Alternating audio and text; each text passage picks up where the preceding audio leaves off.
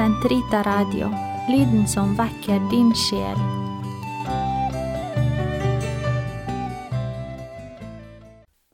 Vi er nå kommet til andre del av opplesningen av Den katolske kirkes katekisme sitt kompendium.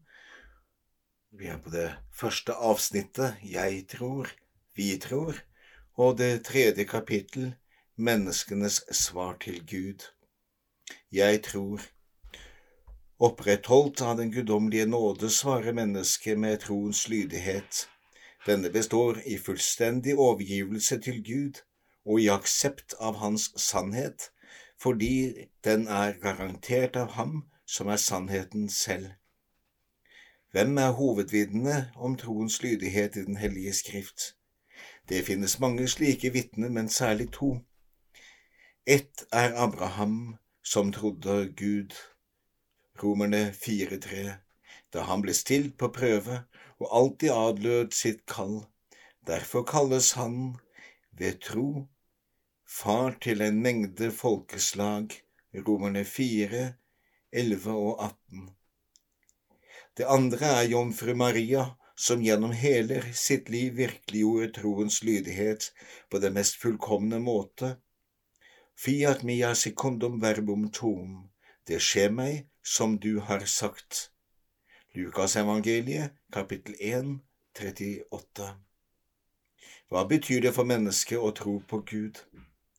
Det betyr å binde seg til Gud selv, overgi seg til Ham og gi sin tilslutning til alle de sannheter Han har åpenbart. For Gud er selve sannheten. Det betyr å tro på én en eneste Gud i tre personer, Faderen, Sønnen og Den hellige ånd. Hvilke kjennetegn har troen? Troen, en ufortjent Guds gave, er tilgjengelig for alle som ydmykt ber om den.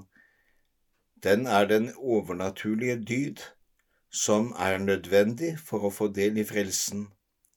Troen er en menneskelig handling, det vil si en handling ut fra den menneskelige forstand, som på tilskyndelse av den vilje som Gud har beveget, frivillig slutter seg til den guddommelige sannhet. Troen er også sikker, fordi den bygger på Guds ord, den er virksom i kjærlighet, Galaterne 5-6, den vokser kontinuerlig ved at den lytter til Guds ord og gjennom bønn. Den er allerede nå en forsmak på den himmelske glede. Hvorfor finnes det ingen motsetninger mellom tro og vitenskap? Selv om troen står over fornuften, kan det aldri oppstå noen virkelig uoverensstemmelse mellom tro og vitenskap, for begge har Gud som felles opphav. Det er den samme Gud som skjenker mennesket så vel fornuftens lys som troen. Jeg tror for å forstå, og jeg forstår for å tro bedre, den hellige Augustin. Vi tror. Hvorfor er troen en personlig og samtidig en kirkelig handling? Troen er en personlig handling fordi den er menneskets frie svar til Gud som åpenbarer seg, men samtidig er den en kirkelig handling som uttrykker seg i bekjennelsen Vi tror. Det er nemlig i første rekke Kirken som tror. Ved Den hellige åndens nåde går den forut for den enkelte kristnes tro, støtter den og nærer den. Derfor er Kirken mor og læremester. Ingen kan ha Gud til far som ikke har Kirken som mor, den hellige Kyprian.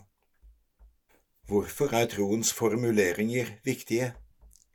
Troens formuleringer er viktige fordi de gjennom anvendelse av et felles språk gjør det mulig å uttrykke, tilegne seg, feire og dele troens sannheter med andre.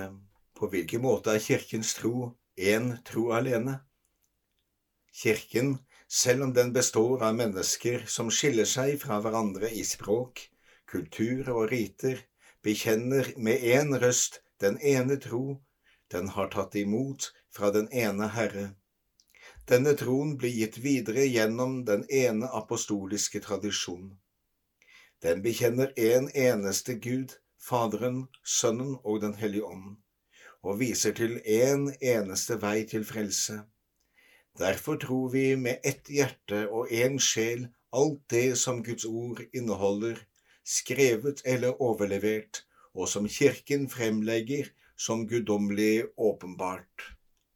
Annet avsnitt Den kristne trosbekjennelse. Den kristne trosbekjennelse, credo, den apostoliske trosbekjennelse. Jeg tror på Gud Fader den allmektige himmelens og jordens skaper, og på Jesus Kristus, Hans enbårne Sønn, vår Herre, som ble unnfanget ved Den hellige ånd, født av jomfru Maria, pint under Pontius Pilatus, korsfestet, død og begravet, som for ned til dødsriket, sto opp på den tredje dag fra de døde, for opp til himmelen, sitter ved Gud Faders, den allmektiges høyre hånd, skal derfra komme igjen for å dømme levende og døde. Jeg tror på Den hellige ånd, den hellige katolske kirke, de helliges samfunn, syndenes forlatelse, kjødets oppstandelse og det evige liv. Amen. Trosbekjennelsen fra Nikea, Konstantinopel Jeg tror på én Gud, den allmektige Fader, som har skapt himmel og jord, alle synlige og usynlige ting.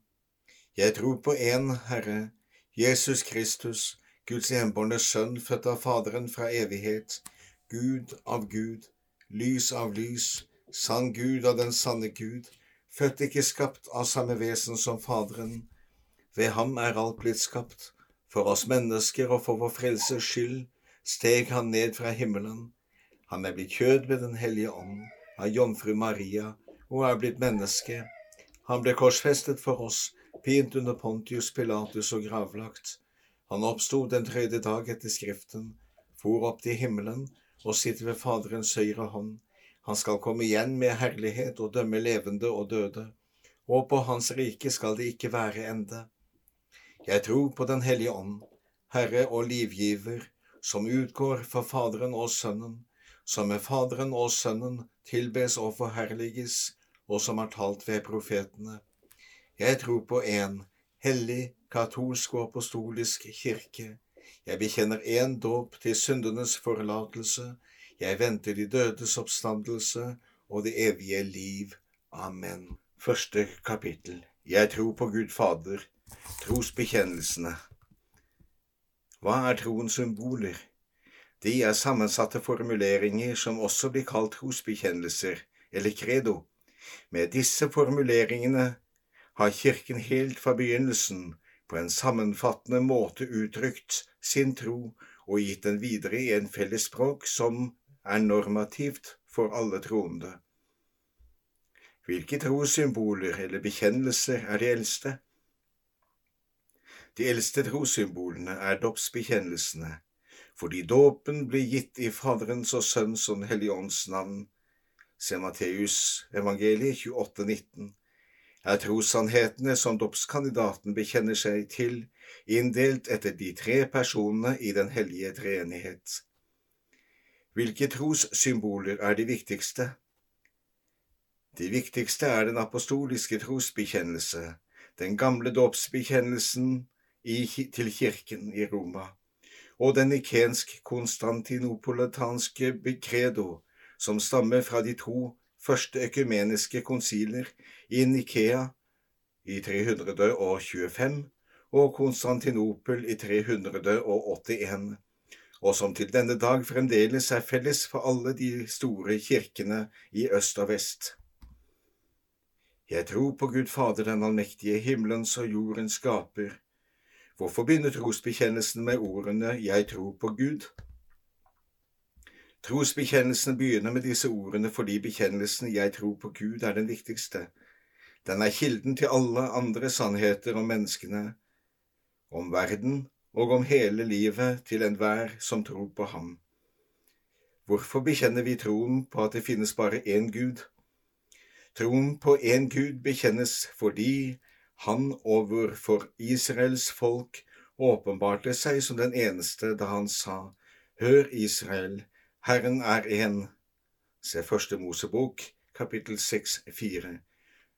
Og for jeg er Gud og ingen annen, Jesajas 45, 22. Jesus selv bekreftet at Herren er én, Markus 12, 29.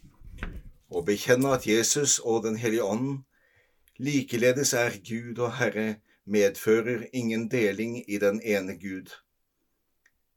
Med hvilket navn åpenbarer Gud seg? Gud åpenbarte seg for Moses som den levende Gud, Abrahams Gud, Isaks Gud og Jakobs Gud. Se annen Mosebok, kapittel 3, vers 6. Gud åpenbarte også for Moses sitt mystiske navn. Jeg er den jeg er, Javé.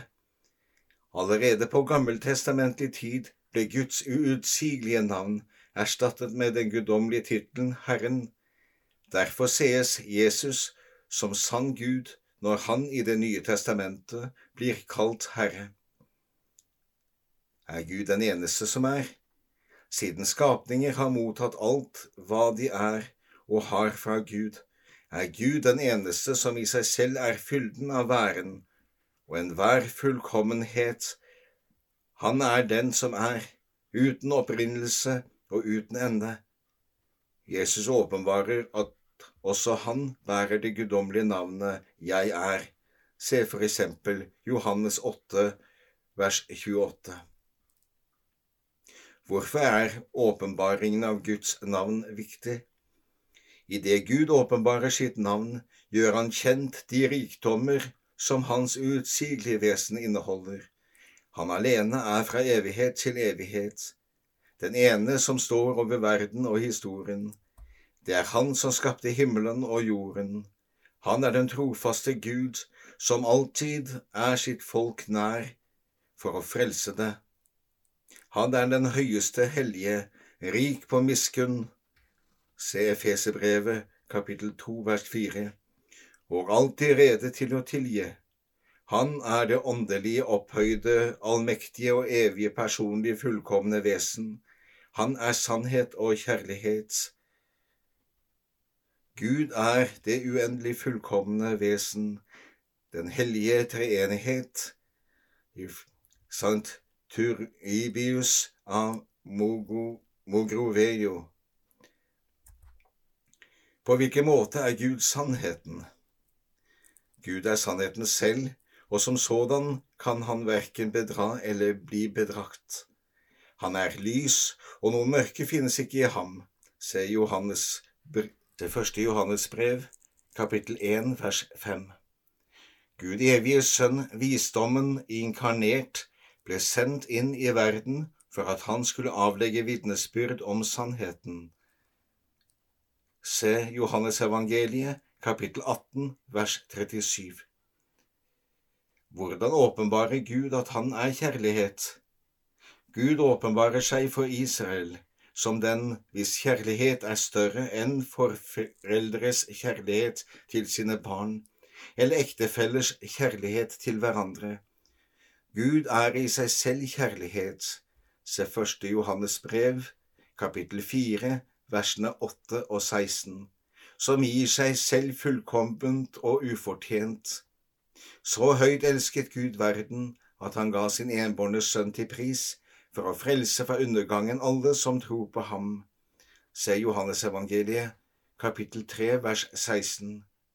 Ved å sende sin Sønn og Den hellige ånd åpenbarer Gud at Han selv er evig utveksling av kjærlighet. Hva innebærer troen på den ene Gud? Troen på den ene Gud innebærer å bli kjent med Hans storhet og majestet, å leve i takksigelse alltid ha tillit til ham, selv i motgangstider, og erkjenne alle menneskers enhet og samme verdighet, for de er skapt i hans bilde, og bruke de ting han har skapt, på rett måte. Hvilket er det sentrale mysterium i kristen tro og kristent liv? Den sentrale mysterium i kristen tro og kristent liv er den hellige treenighets mysterium og liv. Kristne blir døpt i Faderens og Sønnens og Den hellige ånds navn. kan Den hellige treenighets mysterium bli erkjent ved fornuftens lys alene. Gud har etterlatt noen spor av sitt trefoldige vesen i skaperverket og i Det gamle testamentet, men hans innerste vesen som hellig treenighet er et mysterium som ikke er tilgjengelig for den menneskelige fornuft alene. Før Guds sønn ble menneske, og før Den hellige ånd ble utsendt, var det også utilgjengelig for Israels tro. Dette mysteriet ble åpenbart av Jesus Kristus og er ukilden til alle andre mysterier. Hva åpenbarte Jesus Kristus for oss om Faderens mysterium? Jesus Kristus åpenbarte for oss at Gud er Far, ikke bare fordi han er verdens og menneskets skaper, men fremfor alt fordi han er fra evighet, av føde Sønnen i sin favn, Han som er Hans ord, Guds herlighets strålende avglans, Guds vesens rene avbilde. Se Hebreerbrevet kapittel 1 vers 3. Hvem er Den hellige ånd som er blitt åpenbart for oss av Jesus Kristus? Den hellige ånd er den tredje personen i den hellige treenighet. Han er Gud, én og lik Faderen og Sønnen. Han utgår fra Faderen. Johannes evangeliet kapittel 15 vers 26, som er begynnelsen og, og begynnelse og opprinnelsen til treenighetens samlede liv. Han utgår også fra Sønnen, Filiokve, fordi Faderen meddeler ham til Sønnen som en evig gave. Sendt av Faderen og av den inkarnerte Sønnen fører Den hellige ånd Kirken frem til hele sannheten. Se Johannes evangeliet, kapittel 16, vers 13. Hvordan uttrykker Kirken sin tro på treenigheten? Kirken uttrykker sin tro på treenigheten idet den bekjenner én Gud alene i tre personer, Fader, Sønn og Hellig Ånd. De tre guddommelige personene er én en eneste Gud, for hver av dem besitter fylden av den ene og udelelige guddommelige natur. De er reelt forskjellige fra hverandre som følge av de relasjoner som plasserer dem i harmoni med hverandre. Faderen føder Sønnen. Sønnen blir født av Faderen. Den hellige ånd utgår fra Faderen og Sønnen. Hvordan virker de tre guddommelige personer? Siden de er uatskillelige i sitt ene vesen, er de guddommelige personer også uatskillelige i det de gjør. Treenigheten har bare ett og samme virke, men i den ene Guds virken er hver person til stede i henhold til sin egenart i treenigheten. Å min Gud, du treenighet, som jeg tilber, la min sjel bli stille, bygg din himmel av den, La den forbli din elskede og din hviles sted. Aldri vil jeg la deg alene der, men være helt til stede, helt våken i troen, helt tilbedende og helt hengitt til ditt skapende virke. Den salige Elisabeth av treenigheten. Hva betyr det at Gud er allmektig? Gud har åpenbart seg som sterk og veldig Se Salme 24, vers 8, som den ingenting er umulig for. Se Lukas evangeliet, kapittel 1, vers 37. Hans allmakt er universell, og den er mystisk. Den viser seg i at verden ble skapt av intet, og at menneskene ble skapt av kjærlighet. Men fremfor alt viser den seg i Hans Sønns inkarnasjon og oppstandelse, i gaven av adopsjon som barn og i syndenes forlatelse. Derfor retter Kirken sin bønn til den evige, allmektige Gud, omnipotens sepeterne Deus. Hvorfor er det viktig å bekrefte i begynnelsen skapte Gud himmelen og jorden? Se Første Mosebok, kapittel 1, vers 1. Det er viktig fordi skapelsen er grunnlagt for alle Guds frelsende planer. Den viser Guds allmektige og vise kjærlighet. Den er det første skritt mot den ene Guds pakt med sitt folk. Den er begynnelsen på frelseshistorien, som når sitt høydepunkt i Kristus. Den er det første svar på menneskets grunnleggende spørsmål om sin opprinnelse og sitt mål. Hvem har skapt verden? Faderen, Sønnen og Den hellige ånd er skapelsens ene og udelelige opprinnelse, selv om verdens skapelse særlig tilskrives Gud Faderen. Hvorfor ble verden skapt? Gud skapte verden for å gi sin ære til kjenne og meddele sin godhet, sannhet og skjønnhet. Skapningens endemål er at Gud i Kristus vil bli alt i alle. Se første Korinterbrev, kapittel 15, vers 28, til Hans ære og til vår salighet. For det levende mennesket er Gud til ære, og menneskets liv er å se Gud, den hellige Irenius. Hvordan har Gud skapt verden? Gud skapte universet av fri vilje, med visdom og kjærlighet. Verden er ikke et resultat av noen slags nødvendighet, ei heller av en blind skjebne eller tilfeldigheter. Gud har av intet ex nihilo. Se 2. Makaberebok, kapittel 7, vers 28, skapt en ordnet og god verden som Han er uendelig opphøyet over. Ved sin Sønn og ved Den hellige ånd gir Han skapningen å være og å eksistere, opprettholder den, gir den mulighet til å handle og fører den mot dens endelige fullendelse. Hva består det guddommelige forsyn i?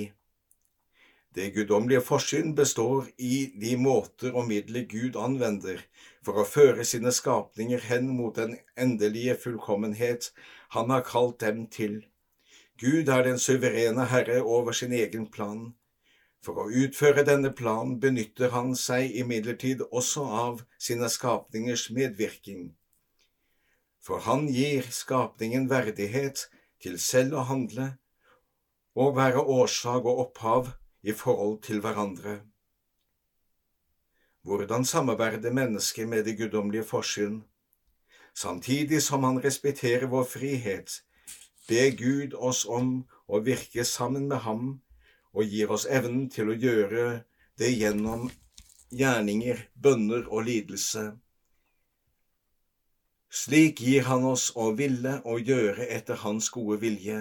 Se Filippe-brevet, kapittel 2, vers 13. Når Gud er allmektig og sørger for alt, hvorfor finnes så det onde? På dette spørsmålet, smertefullt og mystisk som det er, kan bare den kristne tro i sin helhet utgjøre et svar. Gud er på ingen måte verken direkte eller indirekte årsaken til det onde. Han kaster lys over det ondes mysterium i sin sønn, Jesus Kristus, som døde og oppsto for å beseire det store moralske onde, menneskenes synd, som er selve roten til alle andre onder. Hvorfor tillater Gud det onde?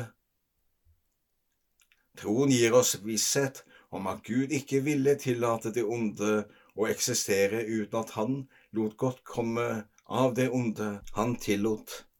På underfullt vis har Gud allerede virkeliggjort dette i Kristi død og oppstandelse. Faktisk har han fra det største av alle moralske onder, vil si mordet på hans sønn, frembrakt det største av alle goder, Kristi herliggjørelse og vår forløsning.